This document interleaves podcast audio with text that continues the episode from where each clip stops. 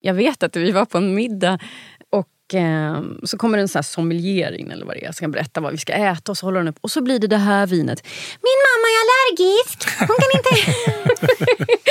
så att de har alltid vetat att jag är allergisk. Det är väldigt enkelt. Om man har små barn och inte vet hur man ska berätta det så är det väldigt enkelt att förklara. Det är en allergi och konstiga med den här allergin är att jag bara vill ha mer och mer och att jag eh, blir knäpp i huvudet. Jag tål det inte.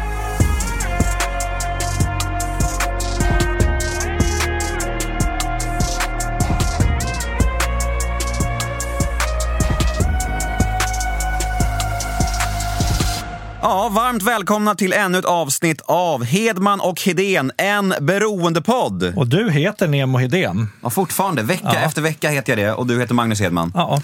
Gud vad mysigt att vi sitter här igen. Ny vecka, nya tag. ja, det är ju det. Ja. Hur, hur mår du? Hur är läget? Ja, Jag har en dotter som eh, hatar att sova på nätterna, så det är tufft. Men det, förutom det, den här sömnlösheten som är lite jobbig, så är det ganska bra ändå tycker jag. Skönt. Ja, men jag tycker, jag tycker att jag, jag är glad över mitt jobb, jag är glad över mina barn och jag är glad över att jag har roliga intressen. Liksom. Så det, det, det är bra. Själv då? Nej, det är samma. Jag, jag, eh, lugnt, mycket träning. Eh, jag jobbar inte så här jättemycket just nu faktiskt. Nej, det, Men sjuk, har- det sjuka är att det här är ju jobb egentligen, Jo, men ja. det är, är världens bästa jobb. Men jag har en period nu där jag tänkte att eh, jag ska fokusera lite extra på mig själv och hjälpa andra lite mer. Eh, så det, det är rätt skönt faktiskt. Sen är det ovant. För det är också en utmaning att inte göra så mycket. För jag är ju specialist på att bara hoppa in i nya projekt hela tiden. Liksom. Det mysiga är att vi sitter ju här ganska ofta och poddar, sen så skiljs vi åt, sen så går det några timmar så syns vi på ett möte. Liksom. Ja. så våra vägar bara korsas hela tiden. Liksom. Ja. Det är Och mysigt. ändå, ändå håller vi ihop fortfarande. Så Ja, får se- det finns någonting mellan oss. Vi får se hur länge vi orkar med varandra. Mm. Hoppas länge. Ja, det är klart att vi gör det. Eh, Allt handlar ju om dig. jag, mis- jag misstänkte att det skulle Inget vara så. ansvar alls för mig. Nej. Du, eh, det är ett spännande avsnitt vi har framför oss. Verkligen. Vi har försökt få till den här podden i flera veckor och nej, men hon är en fantastisk kvinna eh, med en lång, lång skådespelarkarriär bakom Mm. sig. Verkligen. Och du är särskilt förtjust i vissa grejer hon har gjort vet jag. Ja, alltså spe, jag skulle säga speciellt Gåsmamman. Alltså. Mm. För jag tycker hon är briljant där. Alltså. För det var ändå ingen så här superenkel roll att spela. Hon, hon ändras under den resans gång. Liksom. Ja, där, där är hon briljant. Ska jag välja någon favorit så väljer jag nog Tusenbröder. Mm. Men det är ju också typ min favoritserie så att jag, jag är nog lite förutsägbar där. Men äh, den är grym. Och äh, ska vi plocka in Vi henne? tar in henne. Vi plockar in Yes. henne. Välkommen in i rummet, Anja Lundqvist! Hej, hej! Hej! För ett Välkommen. varmt välkomnande. Ja, Ja. hur mår Såklart. Jag mår bra. Mm. Jag är glad att vara här. Sitta i det här mysiga lilla rummet med er. Mm. Och ser fram emot det här verkligen. Vad härligt, vi med. Mm, Ja, verkligen. Mm. verkligen. Och vad tyckte du om våra, vårt urval ur din långa karriär? Är det några grejer som du också kan känna extra kärlek för? Eller kände du mer så här, jag- varför valde du dem där Nej, för? nej för fan. Jag tycker att det här är två jättebra grejer som ni valde. Ja. Alltså, jag älskar ju Kattis i Gåsmamman. Hon, och hon var så jävla enkel för mig att glida in i. Hon var liksom en vuxen version av mitt genombrott som ju var i Lukas Moodyssons film Tillsammans. Där jag spelar Lena som är woho!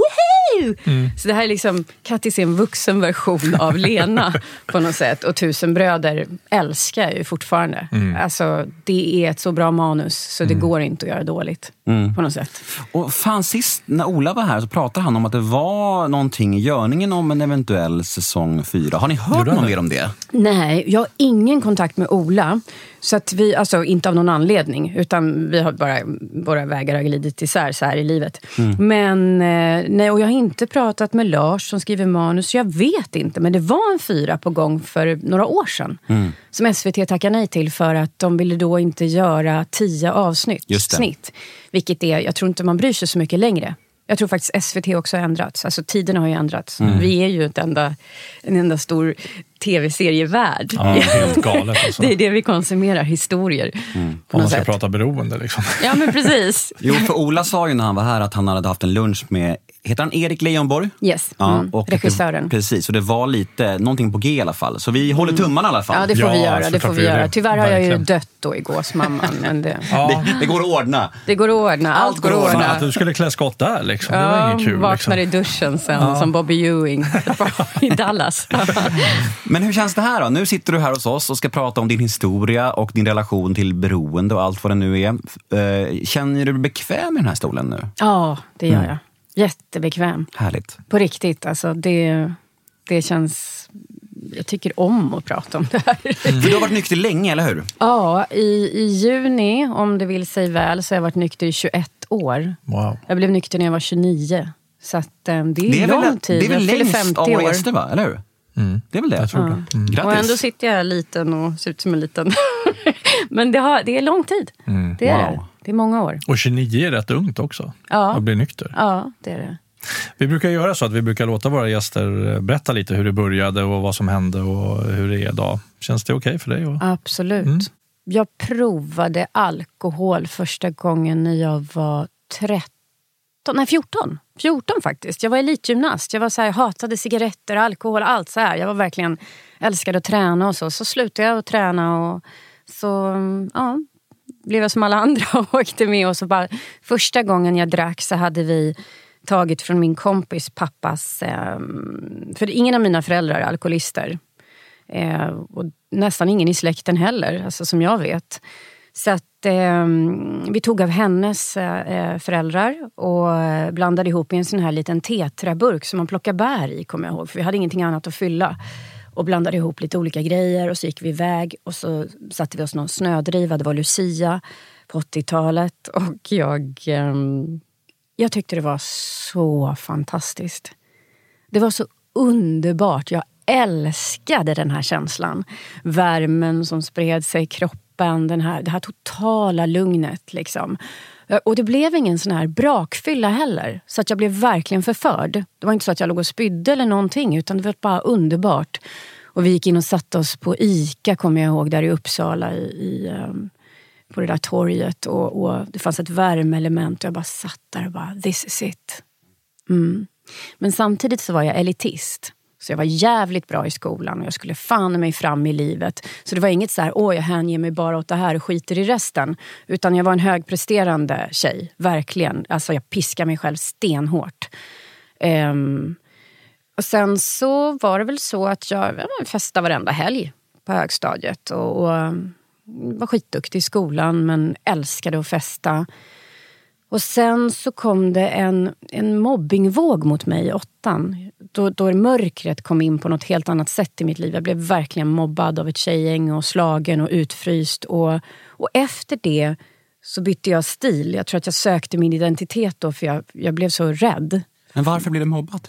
Äm, Jag, jag blev ihop med skolans populäraste kille. Som den här en av tjejerna. Bla, bla, bla. bla, bla. Men, ja, men en klassisk historia. Liksom. Och, och jag tror att då där någonstans bytte jag stil och färgade håret lila och tog hål i nä. Och det var ju liksom mycket större grej på 80-talet än vad det är. Eller ett större statement då i alla fall. För min familj blev det jätteläskigt och, och sådär. Så att jag... ehm, Och ehm, började väl dricka ännu mer. Och var liksom men fortfarande jätteduktig. Och- Men sen hittade jag teatern. I det här, liksom, när jag letade efter mig själv och så, så hittade jag teatern. Och blev minst lika kär. Så där var det många år då jag faktiskt kunde hantera allt. Och mådde bra och älskade fortfarande att festa. Men det var inget sådär att någon av dem som umgicks med mig då, fram tills jag var, ska man nog kunna säga, 24, skulle sagt att du är alkoholist. Det tror jag inte. Men sen vet ju jag att det var, jag älskade det. Men eh, det var inte så att eh, någon utifrån skulle sagt det, tror jag. Sen, eh, ja, runt omkring allting, sökte scenskolan, höll på att flytta till Stockholm, letade mig fram. Liksom, och det var mitt under den här Lasermannen-tiden. Och, jag vet inte, när är du född? 73. 73, jag är 71 och Nemo du är... 87 va? 87. Förlåt, men det var så gulligt. Ja, eh, men då så, vad heter det? Så det var väldigt arbetslöshet. Jag kom till Stockholm och jag kände mig väldigt vilse. Liksom, och kom inte in på scenskolan. Helvete vad jag fick liksom prova. Till saken hör att jag var väldigt eh, mycket hårdare och tuffare då. Jag, jag gick ut som väldigt mycket kaxigare och så. Jag var ju väldigt avstängd, jag visste ju inte det då. Jag antar att ni har haft samma erfarenhet. Sen när man blir nykter så bara, oj shit, jag är påslagen. Helvete vad mycket känslor. Jag är ju rädd. Jag som aldrig varit rädd i hela mitt liv. Och jag trodde att det var en egenskap jag hade. Men det var ju att jag var avstängd sen jag var liten. För just rädsla. För det gjorde mig så maktlös. Att jag tog makten själv då. Och insjuknade i styrka, som vi brukar säga. Ibland blev starkare än vad jag var.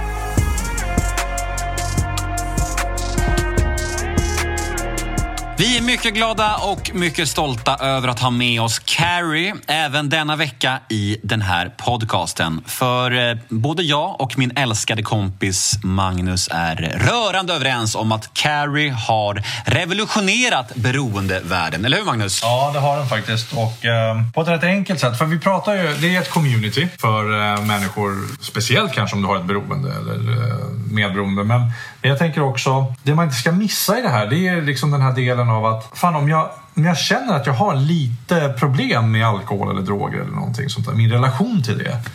Men jag vill inte outa mig själv genom att fråga människor någonting. Ja, men då kan man ju bara logga in här på, på Carry, appen. Och så kan man ta del av alla andra människors liv och sådär. Vilket kanske lyser upp att ja, men fan, jag kanske hade ett problem och nu ser jag också hur andra människor har tagit hjälp och hur de mår och så vidare.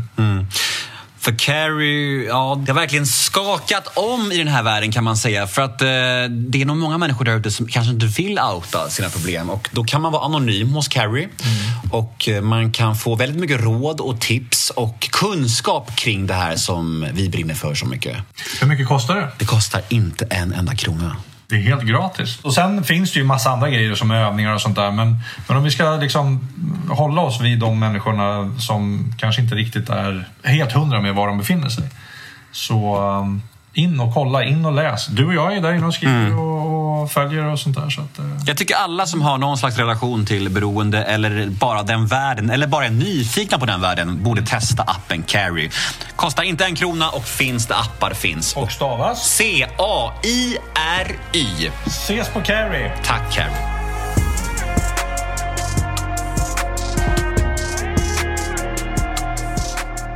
Och sen så eh, kom jag ändå in på scenskolan till slut. För jag fick, of- jag fick höra då i motiveringarna när jag sprack att nej, du är för störig, du är för kaxig, vi når inte in i dig. Du gör jättebra prover men du, det är liksom, vi får ingen kontakt. Och jag var jävla kärring, fattar ingenting, så vidare. Kände mig orättvist behandlad och så.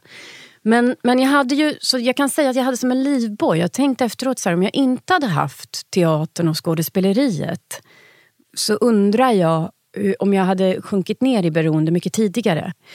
Men, men nu började ändå någon slags så här, åh, jag gick på scenskolan, jag kom in och så bara blev det helt tomt. För min pappa lämnade oss när jag var, eh, jag var åtta. Och jag dyrkade honom. Liksom. Vi har rätt bra kontakt idag. Men, men han flyttade till en annan stad och det var absolut inte bara hans fel att det blev en skilsmässa. Det var både min mamma och pappa. Men att det inte blev någon kontakt ordentligt efteråt på ett bra sätt. Eh, från att jag var tonåring ungefär. Det ligger liksom på honom då. Men, eh, och det har jag verkligen tagit med honom och vi har gjort upp. Jag är fri från det här liksom skuldbeläggandet av någon annan. Du förstörde mitt liv-grejen. Mm, mm. Det är så fantastiskt att vara fri från det. det. Det hände nog när jag hade åtta års nykterhet. Det tog mig åtta år i nykterheten att sluta skylla på någon annan. Och det var jävligt, jävligt skönt. Det frigjorde enormt mycket energi. Så det är alltså om, om två och ett halvt år så kommer jag Så är du fri. så är jag fri. Ja, Det kanske tar 18 för dig Nemo. Förmodligen. För jag kan fortfarande hamna i jättemycket ilska mot framförallt min pappa över, Ja. över hur han har format mig. Liksom. Ja. Så, men om två och ett halvt år, då är det lugnt. Skönt. Ja, men det krävdes också verkligen en, en, ett överlämnande av skulden till honom. Det här är din skam. Jag är en bra människa. Jag är inte en sån som, som man kan lämna ut med vägen hur som helst. Så som jag trodde. Det lilla barnet in i mig trodde i alla fall att mig kan man lämna ut med vägen. Det är ju logiken för ett barn. Men när man blir vuxen blir ju logiken, okej du hade ett tufft liv, du är uppvuxen i en liten by i Norrland, du hade inga andra verktyg känslomässigt. Du kommer från den generationen som, som satt i köket med folk från 1800-talet. Alltså det blir ett helt annat perspektiv. Och plötsligt det här förståelsen av att det jag inte har fått, det kan jag söka hos andra. Alltså 100 procent. Jag kan skaffa mig nya pappor. Ni kan bli... Nej, men, alltså, det, det, ja, jag är fri. Men det var en jävligt lång process ska jag säga. Men eh, vad ska vi säga nu då? Om vi går tillbaka bara. Jo, så det som hände var att jag kom in på scenskolan och tänkte så här, fan nu är allt bra. Så blev det bara tomt. För jag hade ju sett framför mig att när jag nådde dit skulle jag stå på ett berg och säga, ta upp mitt finger och bara fuck you! Kolla vart jag kom! Och någonstans där gick nog luften ur mig och jag började dricka mer och mer. Och jag var ihop med en kille som bodde halvtid i Los Angeles. Och eh, när jag var där så började jag röka på mycket också. Och jag tyckte aldrig om det. I fucking hated it från första stund. Jag fick sån jävla ångest. Eh, förlåt att jag svär så mycket, men eh, sån är jag. och det blev bara värre och värre. Men jag tänkte så här, men vadå, den där kicken som alla andra verkar få. Det där underbara, härliga lugnet. Det kommer väl till mig också som det gjorde en gång med alkoholen. Men det kom aldrig och ändå fortsatte jag. En typisk beroendegrej. Liksom. Om jag tar en kopp kaffe till så kommer den vara lika skön som den första koppen kaffe. Men den blir ju inte det, för det här är 51 koppen och klockan är fyra. Liksom. Så det var ju det där. Och då, vi satt i en musikstudio, vi skulle åka till, um, det här var 95. Ja, 96. Och vi satt i en musikstudio i LA och vi skulle åka till, um, min kille skulle spela med sitt band i um, San Francisco. Så vi skulle åka dit och på morgonen sa fan jag har lite ont i huvudet. Jag har nog lite jävla ont i huvudet faktiskt. Och sen under dagen så accelererade det här till en huvudvärk som jag bara, men vi åker.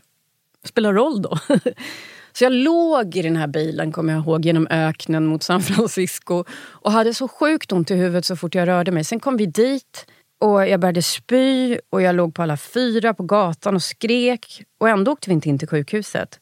Till slut så ringer min, ehm, eh, min kille till min mamma i Sverige och då säger mamma på norrländska som hon aldrig pr pratar och säger hon bara “Ger du nackstäd flicka?” och Jag bara “Ja! För hon har varit sjuksköterska tidigare, lärare i barnsjukvård. Så hon visste ju verkligen att nu var det hjärnhinneinflammation. Och om man läser på om hjärnhinneinflammation så kan det leda till depression väldigt ofta. Och även slag mot huvudet eh, kan leda, jag vet inte, du som har varit, alltså, det kan verkligen leda till depression. Och det som, varför jag berättar det här är för att efter det så small min alkoholism. Och det här har jag hört från andra som har haft hjärnhinneinflammation eller blivit... Jag vet en man som fick ett fotbollsmål i huvudet. Och han blev så gravt alkoholiserad på bara några månader jämfört med innan. Han var alkoholiserad, men det här lugna, ni vet, de som kan komma till AA när de är 65. Och, och är så marinerade i sprit, men de har inte gjort några konstiga saker. Men jag har alltid varit en utåtagerande person. Mm. Och efter detta så blev mina fyllor alltså jag var helt chockad när jag väl tillfrisknade från det här och kom tillbaka och drack första gången efter det. Jag mindes ingenting efter två öl. Jag eh, började klättra på balkonger sju våningar upp. Jag gick eh, balansgång vid Strömmen på den här eh, grejen. Jag började vråla. Jag tror att jag blev amöba-stadiet. Jag hoppade på människor och bara skrek “älska mig!” Alltså jag var galen, jag slogs. Och det var rysk roulette också, vilket hjälpte mig i min förnekelse för att det gjorde att jag... Eh, det gick ju bra ibland. Mm. Det gick ju skitbra ibland. Jag kan visst dricka socialt. Så att man kan väl säga från 95 till... eh, Vad blir det? 2000. Jag blev nykter 20, år 2000. eh, På våren där. Så, så vart det bara värre och värre. Jag var livrädd för mig själv under de här fem åren. Och jag var jätte, jätteduktig och jag gick ut scenskolan och jag fick mitt första jobb men jag kom till sminket med blåtira för jag hade varit ute med Ola och hans dåvarande fru. Sa- Samklangen då. Ja, samklangen då, just då i alla fall. Och, och, ehm, nej men, och jag tänker mycket så här på en av sakerna som drev mig till AA, till tolvstegsprogrammet där jag fick hjälp. Det var dels min... Jag var så jävla rädd. Jag var skräckslagen varje gång jag tittade mig i spegeln för jag visste inte vem jag var. Jag trodde att jag hade blivit schizofren. Jag trodde att jag var galen. Att jag, för jag vaknade på morgonen och bara, ah, det var inte så farligt igår. Och så bara gick jag ut i köket, öppnade kylskåpet. Jag hade problem med mat också. Jag hetsåt, jag bantade under många, många, många, många, många år. Ehm, och jag gick ut kylskåpet och såg att det var tomt för jag hade ätit upp allt. Och förstod att, mindes ingenting. Okej, jag var så full. Och sen lyssnar man på det fanns inga mobiler då än. Lyssnade på sin lilla telefonsvarare och bara Ditt jävla as! Du var så jävlig mot mig igår kväll. Och jag min, man minns ingenting. Ni har säkert massa såna berättelser som alla. Um, men så jag var skräckslagen och jag var fåfäng. Mm. Det är jätteroligt. jag började faktiskt se förjävlig ut. I och med att jag matmissbrukade så mycket också så var jag väldigt svullen.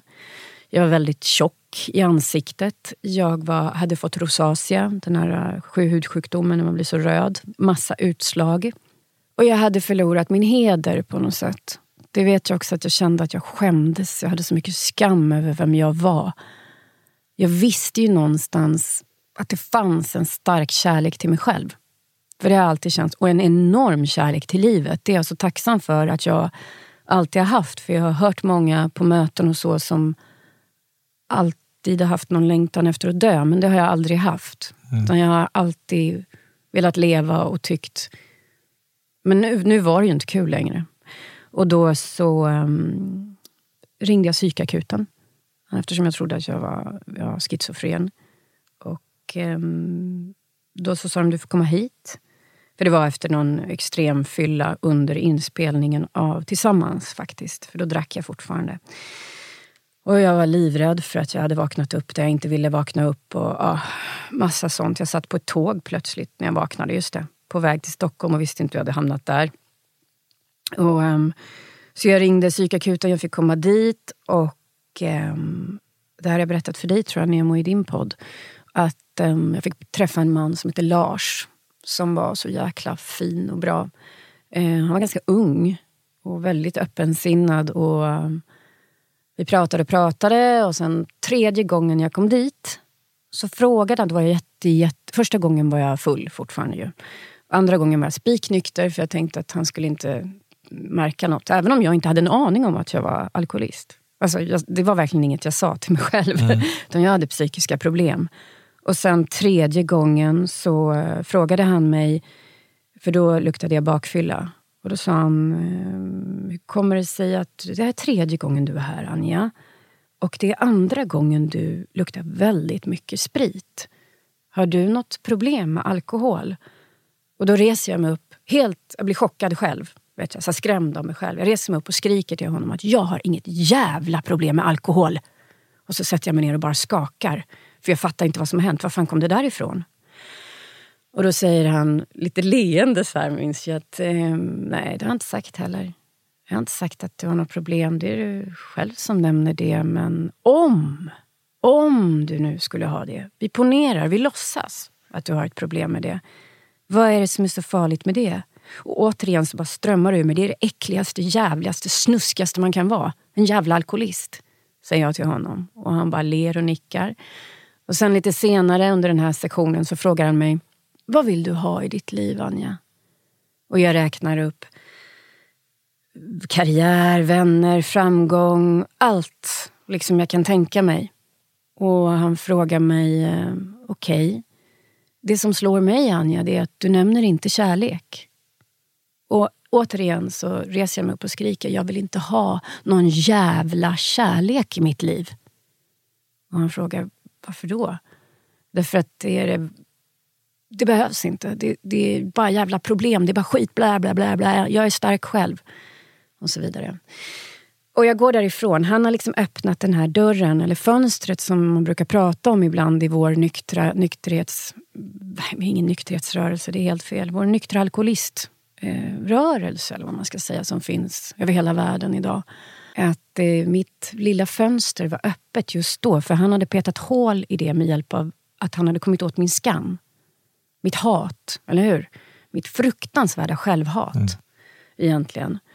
Um, och så den stod vidöppen och jag var bakis och jag gick ut och det gassade i solen. Det var maj och jag var livrädd. Och jag går på Hornsgatan, precis där vid det här konditoriet Claire, eller vad det heter. Och vid Zinkensdamm ungefär. Och jag kommer förbi en man som frågar Nej, nej, vad säger jag? Jag kommer förbi eh, en kompis ser jag plötsligt som jag inte har sett på flera år som jag brukar dricka ganska mycket med. Och hon ser jävligt fräsch ut. Jag har inte sett henne på två år och hon, jag har alltid tänkt om henne, gud hon är som är så snygg, varför är hon alltid så ofräsch? Och nu ser hon strålande ut, är skitsnygg och det bara lyser. Hej Anja! Hej, säger jag. Hon bara, hur är det? Ja, det, det är sådär alltså. Jag, jag, jag har varit, och det bara väller ur mig. Så. Alltså, jag är inte alkoholist alltså. Men jag, jag, det blir så fel när jag dricker. Jag, jag är inte alkoholist. Och, och hon bara ler. Och så lägger hon handen på mig. Jag vet ju ingenting om vad som har hänt henne de senaste två åren. Eh, vilket var lång tid när man är 29. Men nu är ju två år ingenting. Tyvärr. Tyvärr.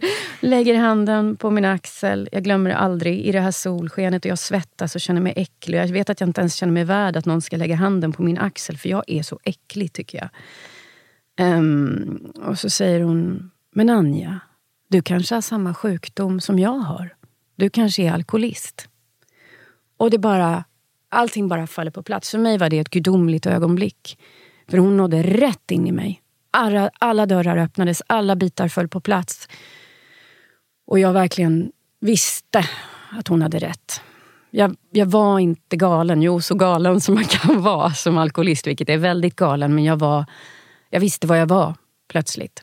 Och hon berättade hur hennes liv hade förändrats tack vare tolvstegsprogrammet. Hon gav mig nummer, hon gav mig sitt nummer och vi skildes åt. Och jag tror jag gick ut och drack samma kväll igen. Eh, och det fortsatte i en månad till. Med eh, en, en, jag försökte hålla mig, jag försökte yoga och jag försökte göra allt möjligt som jag alltid hade försökt göra för att det inte skulle bli fel. Men så till slut så kom en riktig brakfylla igen på midsommarafton. Och då vaknade jag på morgonen så fruktansvärt besviken på mig själv och killen bredvid skulle gå. Och jag tyckte verkligen om den här killen. Han var blyg och fin och rar och, och varm. Han var inte beroende. Och han, han sa till mig, jag frågade honom, hörs vi igen? Och jag hade missat båten ut till midsommarfirande. Jag hade missat allt. Jävla loser liksom. Och han sa, var en jätteliten grej. Men det var också en sån här grej som var stor för mig. Han sa, du kan väl ringa till mig när du är nykter? Och när han sa det så visste jag att jag aldrig, jag var i ett läge i mitt liv, jag skulle aldrig våga ringa till en fin, ren människa enligt mig mm. själv då, när jag är nykter. För han skulle nog inte tycka om mig mm. som den jag egentligen är. Um, så då ringde jag A. Mm. Och jag bad en kompis följa med, som hade varit med kvällen innan. Som visste mycket väl hur jag, vad som hade hänt.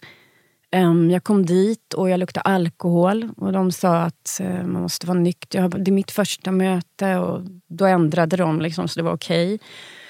Och jag fick sitta och lyssna då, som man får då, men jag fick ändå prata fast jag hade druckit. Och, de, och jag ändrade det till ett öppet möte för min väninna var med. Plus att det var en kille, kommer jag ihåg, som hade tagit återfall som också hade sin, jag tror han hade till och med sin mamma med sig. Han satt och grät, jag satt och grät. och alla var så himla fina. Och jag gick ut därifrån. Det var på, i, i, um, på Birkagatan fanns det ett möte. Och jag gick ut därifrån och så tänkte jag så här, fan det här klarar jag. Mm, jag går dit om tre veckor igen, då är det inte så farligt. Jag tänker fan inte gå varenda dag. Tänkte jag. Um, så, så några dagar efteråt så ringer jag till den här väninnan som hade varit med mig. Och sa att jag tänker gå om två veckor igen.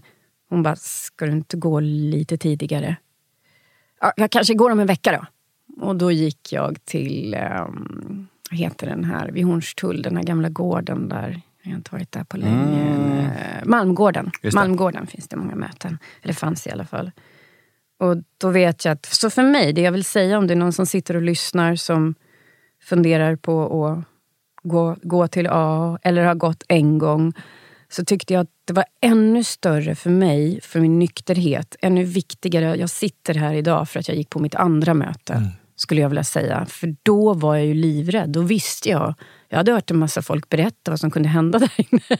Man kunde bli nykter. Och jag, jag ville ju det egentligen. Jag ville ha det de hade, men jag ville inte sluta festa. Mm. Alltså. Men jag ville ha den där sinnesron. Gud vad jag ville ha den, för jag hade börjat få så sjukt mycket ångest. Men Så jag la en liten sten, kommer jag ihåg, som jag hade fått av någon i min bh som skulle beskydda mitt hjärta. Och så gick jag skakande på mitt första möte ensam för första gången. Då. Och, och efter det så blev jag nykter, kan man säga. Jag började gå på A.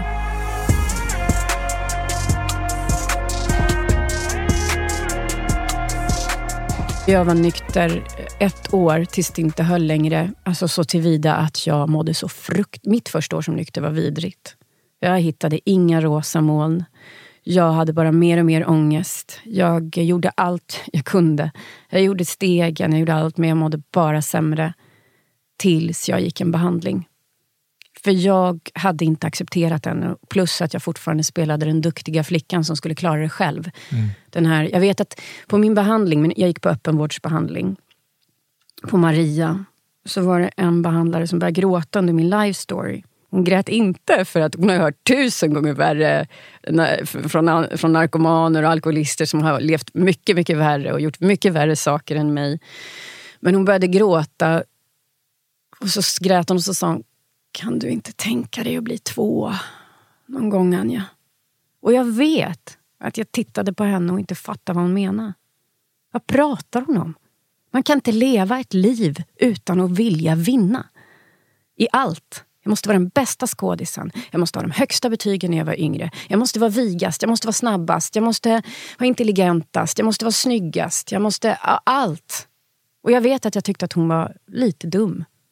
Jag, jag, någonstans fattar jag vad hon menar, för det gick ju in och jag minns den idag och sitter här och pratar mer om det. Men jag...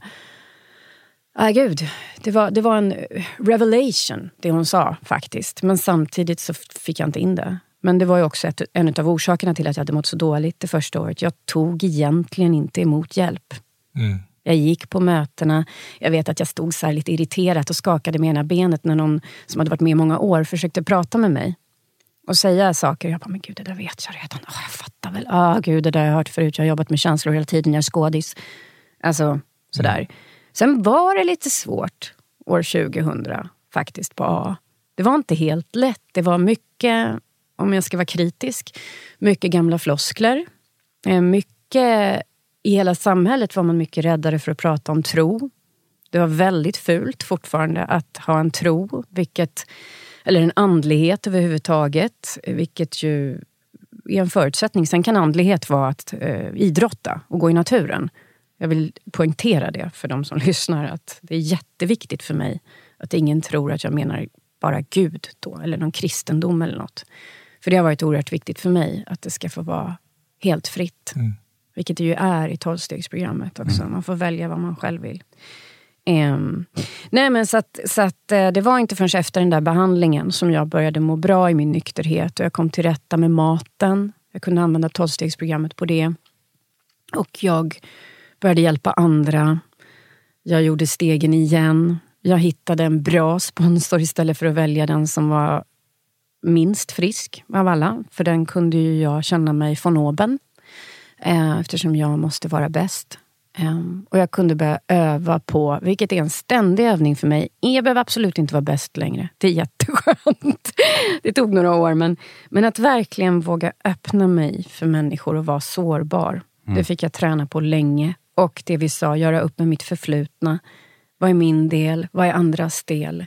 Vad ska jag be om ursäkt för och vad ska jag inte be om ursäkt för? Vad ska jag gott göra? Vad ska jag inte gott göra? Vad ska jag be om förlåtelse för och vad ska jag inte be om förlåtelse för? Jag var en skuldsvamp när jag blev nykter. Jag blev en dörrmatta som skulle mm. ta på mig allt. Och det mår man ju väldigt dåligt av. Det är svårt att vara nykter om man, ska, mm, liksom man, är, om man är så självupptagen att allt är ens eget fel hela tiden. Mm. Um, så det var mycket att jobba med som jag är säker på, ni sitter och nickar här, att man känner igen sig i. Den här långa, långa vägen. Som som, men det fanns ju någonting ändå, vill jag säga, som hela tiden... Det vart ju ljusare och ljusare på något sätt. Och det vart roligare och roligare att vara nykter. Jag klarade av fler och fler saker utan att vara bakfull eller full. Jag eh, träffade min eh, exman som jag var ihop med i 17 år och fick två barn med. Jag eh, började knyta an till friska människor istället för att genast söka mig till folk som var sjuka. Och sen gjorde jag upp med min pappa, eh, vilket betydde mycket. Och för honom också, tror jag. Och att jag sa sanningen till honom och inte spelade med. Sa nej, allt har varit så bra. Mm. och så gick ut och vrålade och skrek och grät i en bil så fort man åkte därifrån. För det fanns faktiskt folk som sa, ja men du måste gottgöra din pappa. Vadå gottgöra min pappa? Ja, för att du har varit eh, full. Nej, aldrig i livet. Jag träffade ju aldrig honom då. Så där, där hade jag någon slags självbevarelsedrift. Samtidigt som det var väldigt nära att jag började göra såna saker även till andra. I och med att jag hade den här skuld och skamgrejen. Då. Jag minns en gång faktiskt när vi repade på Eh, det var ett stort genombrott. Vi, vi repade på Stadsteatern, en Norénpjäs med Lennart Hjulström som regissör. Och det var jag och en skådis som heter Jakob Eriks... Nej, det var det inte. Det var Sanna Krepper, Magnus Krepper från Tusen bröder, hans fru som också är skådespelerska. Vi skulle sitta på en bänk och vi skulle bara prata rakt ut mot publiken. Och vi repade det här. Och jag började röra på mig och eh, jag mådde så jäkla dåligt. Och Lennart, eh, den gamla skådespelarräven och, och regissören, han bara Anja, varför kan du inte sitta still? Jag vet inte, jag tycker att det är obehagligt. att vi Ska jag bara sitta här? Liksom? Jag måste ju göra någonting. Det räcker inte med att jag bara sitter här. Ehm, och, och då, då, eh, så sa han, ja men försök, försök, fortsätt. Och till slut så började jag bara storgråta. Det bara, det bara släpper. Och jag känner i kroppen, i hjärtat, så känner jag... Och jag ser framför mig, vet jag. Jag är så jättedjup här, men det var verkligen så. Jag storgrät och det var som att det öppnade sig i hjärtat och jag kände den här stenhårda bollen. Stor som en liten sån här, vad heter det, som man använder i amerikansk eller, baseball. baseball. Mm, jag är inte så bra på sånt där. och jag ser den och den är, det är som en gammal hård läderkula. Och Lennart frågar mig, men vad består den av? Skam, säger jag och bara gråter ännu mer. Det är skam, Lennart. Jag kan inte bara sitta här. Det duger inte. Så du duger inte när du bara är. Nej. Så jag har haft ett fantastiskt yrke också som faktiskt har hjälpt mig att, äm, att nå andra saker i mig själv också. Vad mer har hjälpt mig i min nykterhet? Dels det där att börja jobba med skammen. Och att hitta en andlighet såklart. Får jag säga en sak bara? Mm. Så jag tänkte på det nu. Alltså det, är så, det är så otroligt. Alltså att höra det här, är, jag får gåshud. Framför allt en grej som jag tänkte på du snuddade lite vid det här med andlighet och, och tro och så här, som mm. är superviktigt för oss alla här inne tror jag. Mm. Men just det här att du pratar om att precis efter den första gången du har fått en indikation om att du har alkoholproblem så springer du in i liksom en kvinna som går på AA. Ja. Mm. Det är otroligt alltså. Och hur många ber sådana berättelser har man inte hört? Ja. Jag minns när jag gjorde mitt... Eh, första gången jag gjorde mitt eh, vad blir det, åttonde steget. Skulle gottgöra en väninna från scenskolan som jag hade behandlat ganska illa. Tagit för given, varit vårdslös. Jag var väldigt vårdslös. Det fanns ingen omvårdnad i mina vänskapsrelationer utan jag lämnade folk ut med vägen så som jag själv hade blivit lämnad. Um, och jag skulle gottgöra henne för det. Jag hade varit väldigt osäker på, ska jag det eller inte? Och min sponsor då, som fortfarande är min sponsor, vi hörs väldigt sällan nu för tiden, men, men hon är där, hon finns där.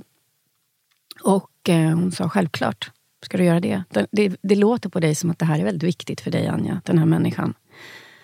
Okej, okay, säger jag, men jag har inte sett henne på två eller tre år. Nej, nej, men det, det där löser sig. Du hör av dig när du vill.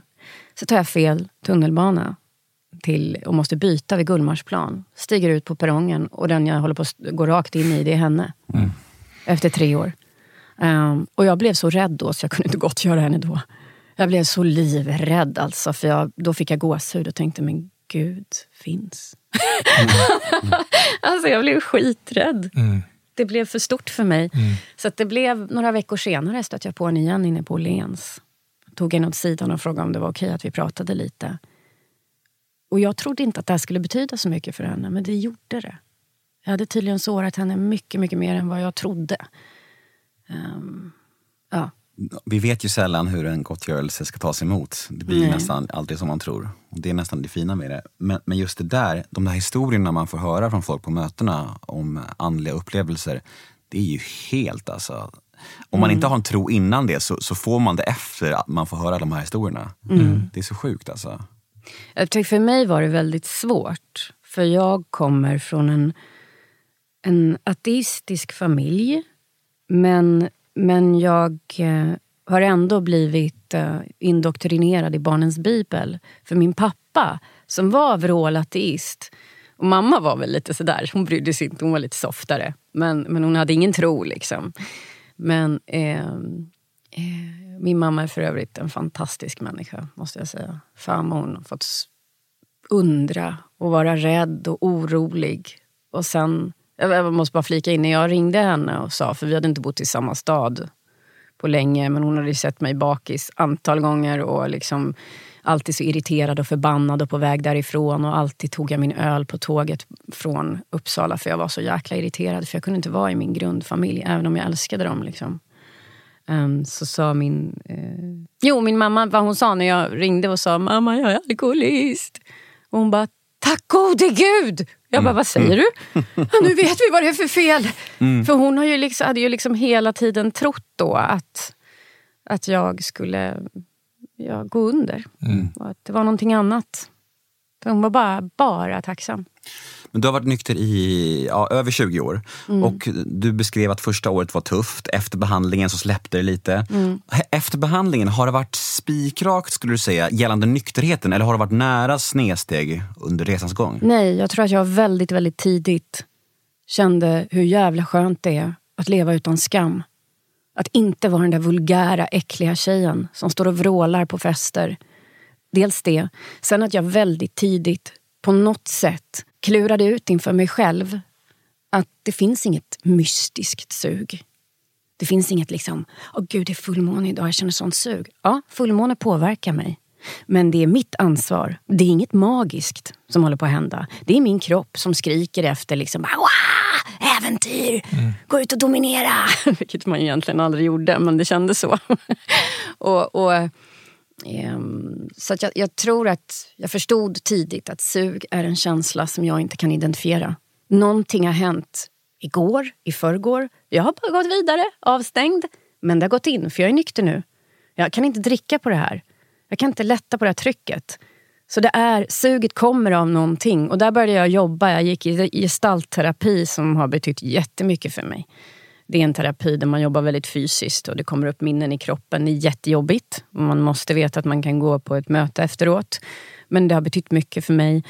Och eh, det var det där med andligheten ja, som jag skulle komma till. att eh, Min farfar, eh, när mina föräldrar skilde sig, jag älskade min farfar uppe i Norrland.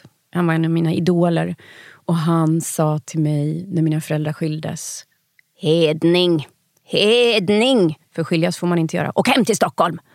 Och han älskade inte mig längre, trodde jag. Det gjorde han ju. Men han var så besviken då. Från mm. hans, 1910 var han född. Liksom. Mm. Superkristen, frälst när han var ung. Så att, eh, jag var tvungen att skaka av mig hela det här tunga oket av att Gud var en gubbe med grått skägg. Så jag, jag var ju rebell när jag var yngre, satt i kyrkan och bara you, det finns ingen gud och visa fingret. Och så. Samtidigt som jag älskade indianer och läste jättemycket om deras andlighet. Liksom. Så att eh, jag var tvungen att, den här långa resan till en andlighet som håller för mig. Och för mig är det att eh, den här oändligt kärleksfulla gudomligheten lever i mitt hjärta, inne i mig. För jag vill gärna leta ute. Jag vill gärna titta där uppe. Det finns ju naturligtvis här ute också. Nu, nu sträcker jag ut armarna här mot det här betongtaket. ut upp till himlen. Men naturligtvis. Men jag måste centreras i mig och känna att jag går med den här gudomligheten i mig. Jag är den inte. Men den finns att tillgå i mitt hjärta. Och det finns en så fin grej som jag lärde mig också på scenskolan. En röstlärare som jobbade mycket i Grekland också. Hon berättade att för de gamla grekerna, i de gamla dramerna, det handlar mycket, mycket om andning. Jag kommer inte ihåg vad det hette på grekiska nu igen. Men den här andningsrörelsen som vi behöver, som vi inte kan vara utan i mer än två, tre minuter. Om man inte har övat upp det såklart. Men det är inte speciellt länge vi kan vara kvar i livet. Och anden, som vi, den heliga anden då, som vi säger, anden andas, det är nästan samma ord. Ehm, att anden finns i andningsrörelsen. Och när vi slutar andas så försvinner våran själ, anden, ut ur oss. Och det där på något sätt, att det finns i mig. När jag började kunna bära med mig den tryggheten att jag kan alltid söka det här lugnet. Jag är nog mycket mer buddhist än någonting annat och har läst ganska mycket det. Och, och litteratur har också betytt, betytt mycket för mig. Det vet jag att det inte gör alls för vissa i programmet. Och det är så bra. Vi är så olika. Mm. Jag gillar att filosofera och läsa böcker. Och, men, men ja, det. Jag tänker på när man, mm. om vi går till liksom ditt liv som det ser ut idag, mm. så handlar det ju fortfarande mycket om att bli bedömd. Mm. Eh, det handlar mycket om prestation. Mm. Hur förhåller du dig till det idag? Um, ja, men det var också sådär, man lär sig ju med åren. Jag fick en sjukt dålig recension i DN en gång. Jag gjorde en huvudroll på Stadsteatern. Jag spelade en alkoholiserad kvinna. Och i recensionen stod det, så där söt är aldrig en alkoholist. Och jag hade lust att ringa upp henne och säga, du har varit nykter i åtta år eller vad det nu var för mm. någonting. Mm. Men det var en stor bild på mig när jag drar upp klänningen, står och vrålar, så här teatervrålar. Ni vet såna teaterbilder, mm. man alltid ska vråla. Och, för det är en scen i pjäsen. Och det, rubriken i DN är, det skaver och är skaver i, i oändlig, typ någonting sånt där, eh, falskhet. Um, och sen stod det, det är lika dåligt som i en repsal på en teaterskola. och Anja Lundqvist är för söt för sin roll och kan inte alls spela alkoholist. Och då var jag nykter alkoholist. och hon var egentligen film, eh, filmrecensent. Men skitsamma, där också. Jag vet att jag, jag sprang till A. Det finns så mycket som jag aldrig hade klarat utan mina möten. Aldrig var, suttit här om det inte vore för mötena och stegen. Aldrig, aldrig, aldrig. Um, jag går inte på så mycket möten nu, men när jag går så går jag för att hjälpa andra och sprida det här ljuset. Att det kan fan bli lätt en dag. Mm. En dag kan det kännas helt lätt. Bara som, vad, vad som helst, en liten, liten detalj i mitt liv bara. Inte hela jag liksom. Men jag sprang dit och grät och var värdelös. Det var ju det här att jag skulle vara bäst. Mm. Men så gick det några dagar och jag överlevde.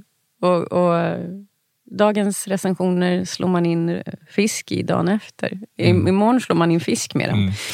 Mm. Så att, ja, jag har lärt mig sakta men säkert att jag skiter i vad andra tycker lite mer nu. Jag blir faktiskt inte ens ledsen längre nästan. Vet du, Heder, den här serien som jag har varit med och skrivit och, mm, eller skapat och producerat själv som snart kommer säsong två av. Eh, vi fick I en tidning fick vi en fyra och i en annan tidning fick vi en etta. Och det gjorde inte ens ont den där ettan. Fast jag hade jobbat så hårt med denna serie. Har du valt att uh, vara öppen från start med din resa eller var det något slags motstånd i det? Jag har varit öppen mot alla jag har mött. Men jag har aldrig gått ut i en intervju förrän efter 14 år eller något. Mm. Mer kanske. För jag kände att jag var för sårbar på något sätt. Jag klarade inte det. Mm.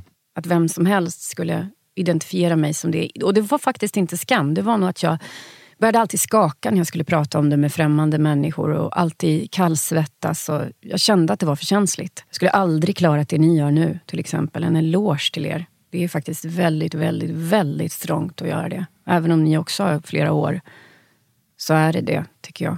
Och det är viktigt. Mm. Det finns också en annan öppenhet inom vår, den här A och NA och det. Att man faktiskt behöver nå ut utan att göra reklam. För det här är ju ingen reklam. Jag kan gå ut imorgon och börja dricka igen. Vi vet ingenting. Mm. Liksom.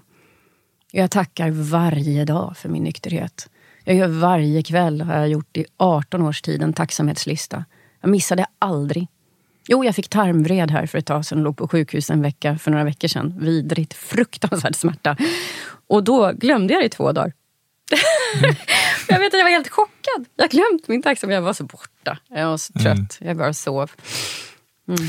När du eh, kom eh, på ditt första möte så du pratade om det här med fönstret, vi brukar kalla det för window of opportunity, när, mm. när man har en möjlighet. Det har inte jag hört, vad fint. Mm. Det är jättefint. Mm. Och där sa du att första året, ja, det, men det blev inte riktigt bra innan du gick in på behandling. Vad, vad, vad, var skillnaden där för, för dig, tycker du? Var det att du fick eh, höra någon som var liksom titulerad terapeut eller doktor? Eller vad, vad var skillnaden?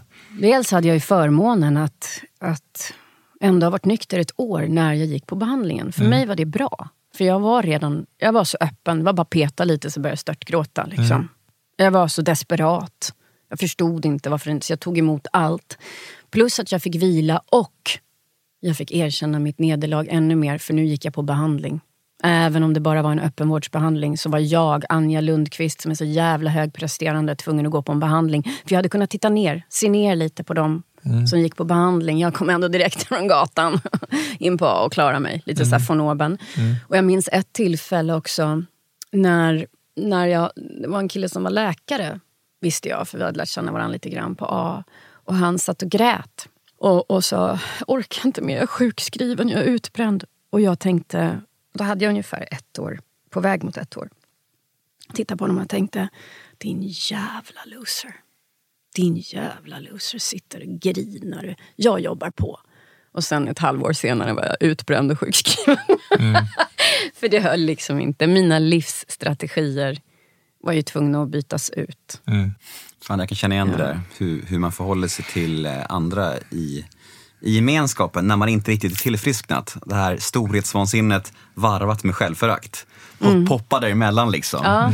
Men jag fick, fick lära mig att ödmjukhet handlar inte om att lägga sig under folk. Det handlar om att liksom, vara, vara som alla andra. Ja, var en människa bland människor. Exakt, det är det som är ödmjukhet. Liksom. Hur var det för dig att gå in? För att nu, nu var ju du offentlig, vilket jag också var när jag gick in i de här rummen första Mm. Ja, men gången. Jag har aldrig varit lika känd som du. Så på det sättet, mitt privatliv har aldrig varit känt och folk känner igen mig Mm. snarare än vet vad jag heter ofta och så.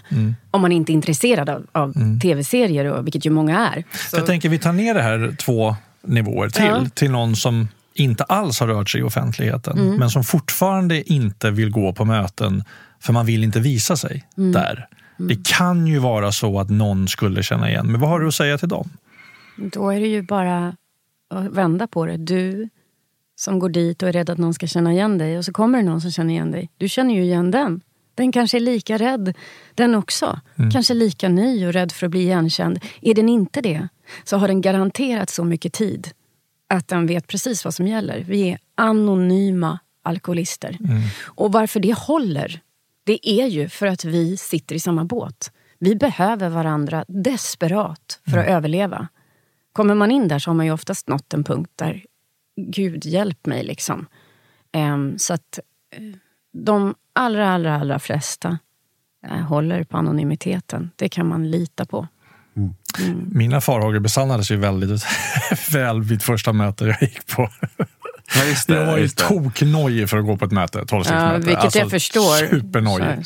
Och jag var iväg på behandlingshem eh, och det här var i Norrköping. Mm.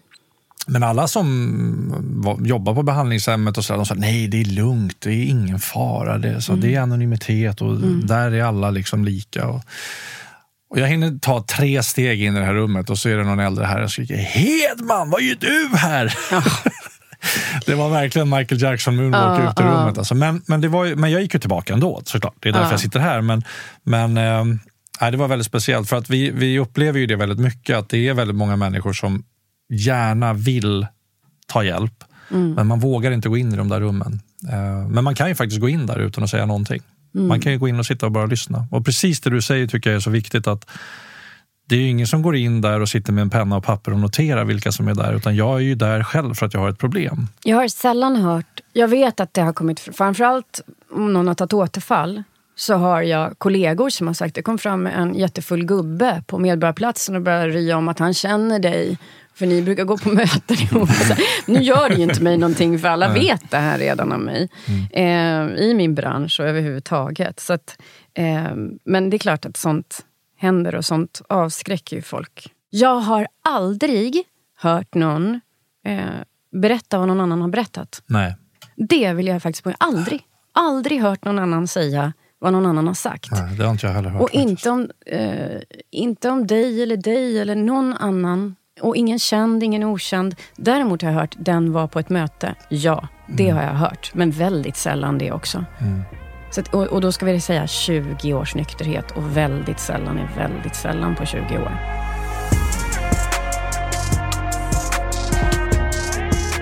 Vi är glada över att ha med oss The House Stockholm Berlin i den här podcasten även denna vecka. Och eh, jag har en fråga till dig Magnus. Vem skulle du säga har varit eh, ja, men någon slags förebild eller mentor inom tillfrisknande sedan du tog steget? Eh, Robert Boman är det. Eh, vad konstigt att du ställer just den frågan. Märkligt, lite ledande fråga kanske? Va? Nej, men det är såklart Robert Boman och det är därför det är så otroligt kul att ha med The House eh, som är hans öppenvård, behandlingshem. För att, alltså, det finns jättemycket människor som kan väldigt mycket om beroende och är duktiga terapeuter och sånt där. Men Robban känns han känns så duktig på så många områden och som, som har med livet att göra. Så där också. Och vi har båda gått eh, på hans tidigare behandlingshem. Vi vet att hans sätt att göra det, hans liksom metodik eh, funkar. För det har funkat på oss och det funkar på väldigt många andra. Så vi kan stå bakom det här till 100 procent. Och det känns jäkligt genuint och bra tycker jag. Ja, det är viktigt tänker jag när man gör såna här responsprator att man faktiskt kan verkligen stå bakom det man säger till 100% och det känns verkligen rätt i magen att vi gör det här ihop med Boman. Ja, och The House är ju eh, ett behandlingshem som vi har sagt. De skräddarsyr behandlingen. Men jag tycker inte vi går inte in så mycket på vad de gör utan jag tycker snarare att så här att Om du som lyssnar känner att du har ett problem som du vill ha hjälp med, som har med beroende eller medberoende att göra, ta kontakt med The House och prata med dem och, och, kanske ta ett möte med dem. För att du har ingenting att förlora på det förutom att du kommer att börja må bättre. Och hur kontaktar man The House? Sandra at thehousestockholm.se Den sitter som en smäck. Jajamensan. Tack The House!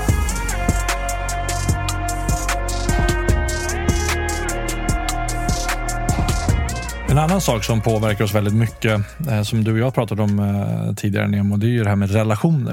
Mm. För det är någonting som vi får stryk i mycket och vi är inte speciellt bra på relationer, eh, vi alkoholister och narkomaner. Hur, hur, ser ditt liv ut? Då? Vad har du för liksom, relation till dina barn och hur tänker du där kring gener och såna här saker?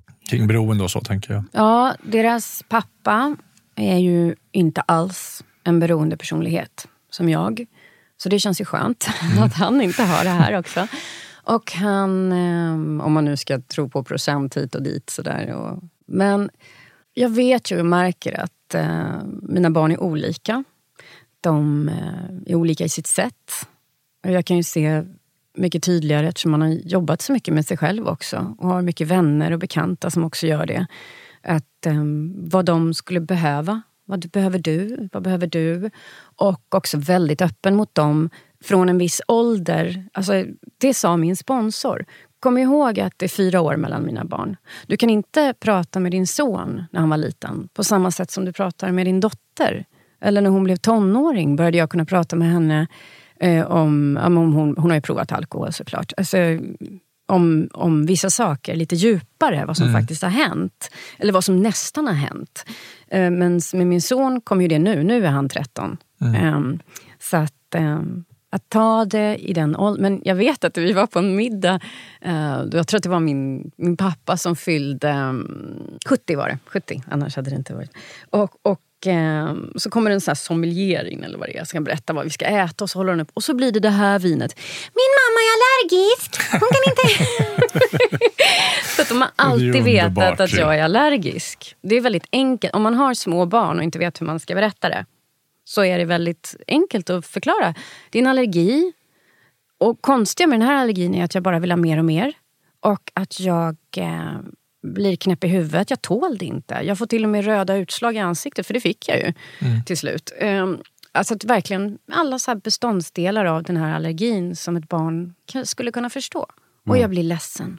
Och där har du ju också en punkt som är, eller en fråga, fråga som är väldigt, väldigt återkommande för många som ska sluta dricka. Mm. Det är just det här, ja, men vad ska jag säga då till alla? Hur var det för dig när du slutade? För du rörde dig ändå i de kretsarna. Jag kan tänka mig att det var mycket galor, fester. Eh, det svåra är ju, tycker som... jag, när man möter någon som själv är väldigt beroende. Det var ju svårt. Någon som sa, fan du är bara för feg för att dricka. Nej, det är du som är för feg för att bli nykter, sa jag med darrande röst och stod mm. där nykter och livrädd. Liksom. Det tyckte jag var det jobbigaste, att jobba med folk som har alkoholproblem. För jag blev så smittad av deras beteende. Så att jag blev så där uh, hudlös och liksom fick springa till möten. Springa till möten för mm. att jag mådde så dåligt av att vara nära dem. Idag kan jag jobba med alkoholister utan att det... Jag blir bara förbannad mm. om de inte sköter sig. Mm. Men, eh, men mer, vad, vad jag tyckte var jobbigt i början det var väl att jag trodde att jag var... Det här är ju så pinsamt. Jag var 29 år och trodde att jag var cool. Det var väldigt viktigt för mig att vara cool, tuff, ball, rätt kläder, eh, lite alternativ. Alltså, liksom, jag vet vad jag håller på med. nu raljerar jag över mig själv, men det var verkligen så. Och, eh, och där ingick ju också alkoholen, att kunna dricka som en kar. Eh, jag var ihop med en väldigt känd skådis som sa under en kort tid, vi var egentligen inte kära, det var bara beroendet som höll oss samman och våra egon. Du och jag är rövare. Vi är rövare. Du dricker som en rövare Anja. Och jag bara yes, kände mig skitstolt. Att liksom slänga bort hela den personligheten och våga stå där och darra och säga jo, jag, jag, jag har blivit nykter, mm. för jag är alkoholist. Alltså, det var jättetufft, mm. tyckte jag, första året. Jag tyckte det var en plåga att vara ute de två första åren på krogen. Ja, och ändå skulle jag göra det, för jag skulle vara, allt skulle vara som vanligt. Mm. In hindsight så skulle jag vilja gå fram till mig själv och säga att det är lugnt. Du kan gå ut på krogen om tre år. Mm. Ta det lugnt, var inte så hård mot dig själv. Det löser sig. Stanna hemma, kolla en bra film ditt gamla jag, den här som blir glad av fester, finns kvar. För hon kom sen. När det blev lugnt. Mm. Så hade jag så himla kul när jag var ute. För att jag var fri och för att jag var stabil i min nykterhet och för att jag... När, när folk är fulla så öppnar de ju upp lite mer. Och då gjorde jag också det. Fast jag inte var full. Och jag gick hem. Ni vet ju själva, fan efter vid klockan 12 har man träsmak. Alltså folk börjar upprepa samma saker om och om igen. Det är inget kul längre. Med lite högre volym också på Ja. rösten. Så att jag vet inte. Jag tyckte det var, det var jättetufft i början. När folk frågade eller ifrågasatte. Eller, Vadå, jag dricker ju mer än dig. Ja, just det. Du gör ju det. Jag är inte alkoholist. Nej, nej. nej. Du Magnus, ska vi eh, hugga tag i eh, vårt eh, favoritsegment? Det ska vi absolut göra. Jättetack Anja för eh, det där. Det var magiskt. Ehm, Tack själva. Väldigt, eh, känns som jag har haft en monolog här. ja, det är meningen också. ja, ja. The House svarar.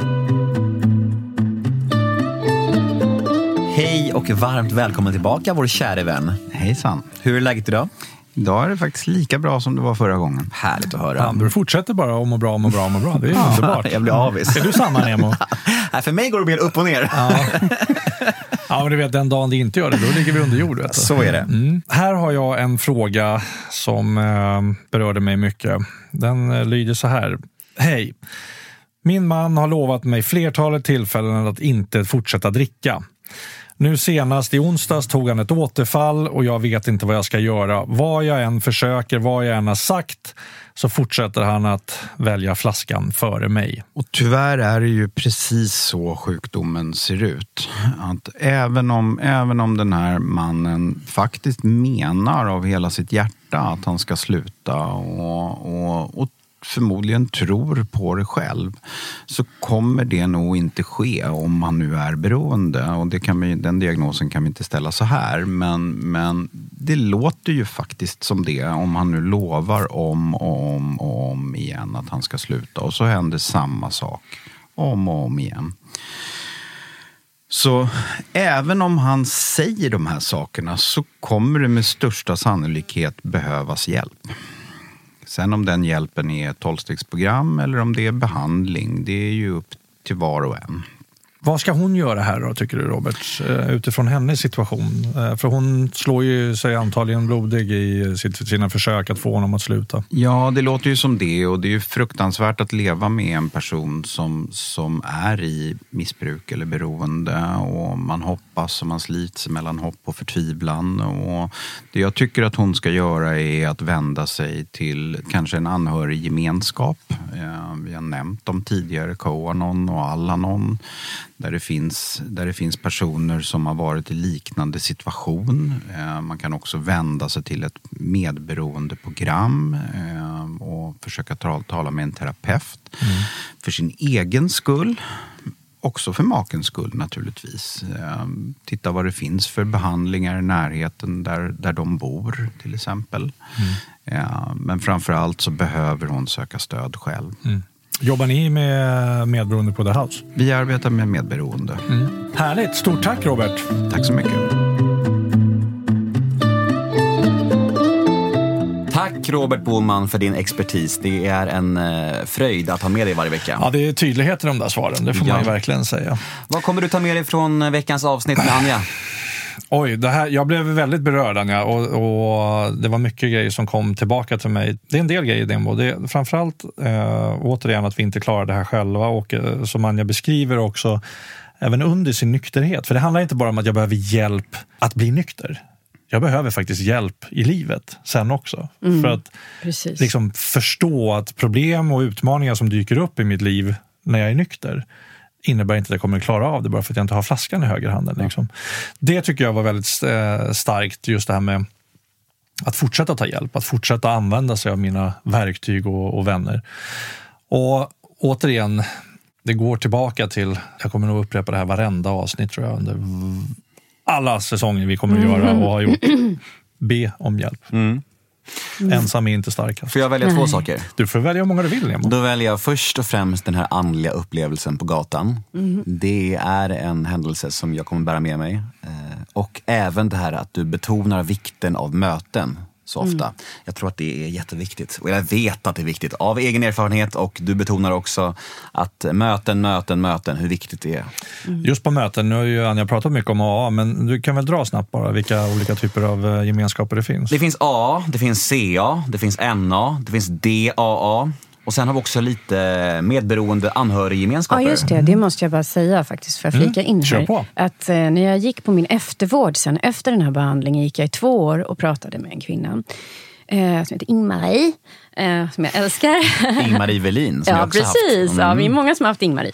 Och då så, så säger hon eh, till mig så här, Anja, jag sitter och pratar om någonting. Inne i varje beroende så bor ett litet medberoende barn. Och eh, sen när jag hade ett x antal år nykter, då började jag gå på ACA, eh, Adult Children of Alcoholics and Other Dysfunctional Families. Så man måste inte ha just alkoholiserade. Det kan vara skilsmässor, det kan vara något som är dysfunktionellt i ens uppväxt. Och det har också hjälpt mig i nykterheten. Men jag var tvungen att ha en stabil nykterhet först, innan jag började rota i allt det där. Ja, du kan ju säga lite anhöriggemenskaper. Mm, och där har vi Alanon och även eh, Coanon. Eh, jag är med i en av de två gemenskaperna och eh, precis som, som Anja säger, att man har en man jobbar på sin nykterhet först, om jag nu har ett beroende, eh, för att sen ta mig an det tolvstegsprogrammet eh, som har gett mig väldigt mycket vind i seglen. faktiskt. Mig också, verkligen. Tack för, dö- för din tid Anja, det här var fantastiskt. Tack för Men att jag fick vad tar komma. du med dig Ah, från idag? vårt umgänge. Ja. Att jag är, som jag sa, jag tycker att ni är fantastiska som gör det här. Äsch det är så viktigt. Ja men det är verkligen det. Tänk, tänk om någonting liknande hade funnits. När jag, när jag kom in i gemenskapen. Det fanns ingenting, man fick absolut inte prata högt om det här för då hade man brutit mot traditionerna. typ. Så att jag, jag tycker att det är så viktigt. Tack. Tänk. Tack Anja och eh, till er alla. Ni vet var vi finns och eh, snart är vi tillbaka om en vecka. Vi hörs, puss och kram! Hej då! Hej då!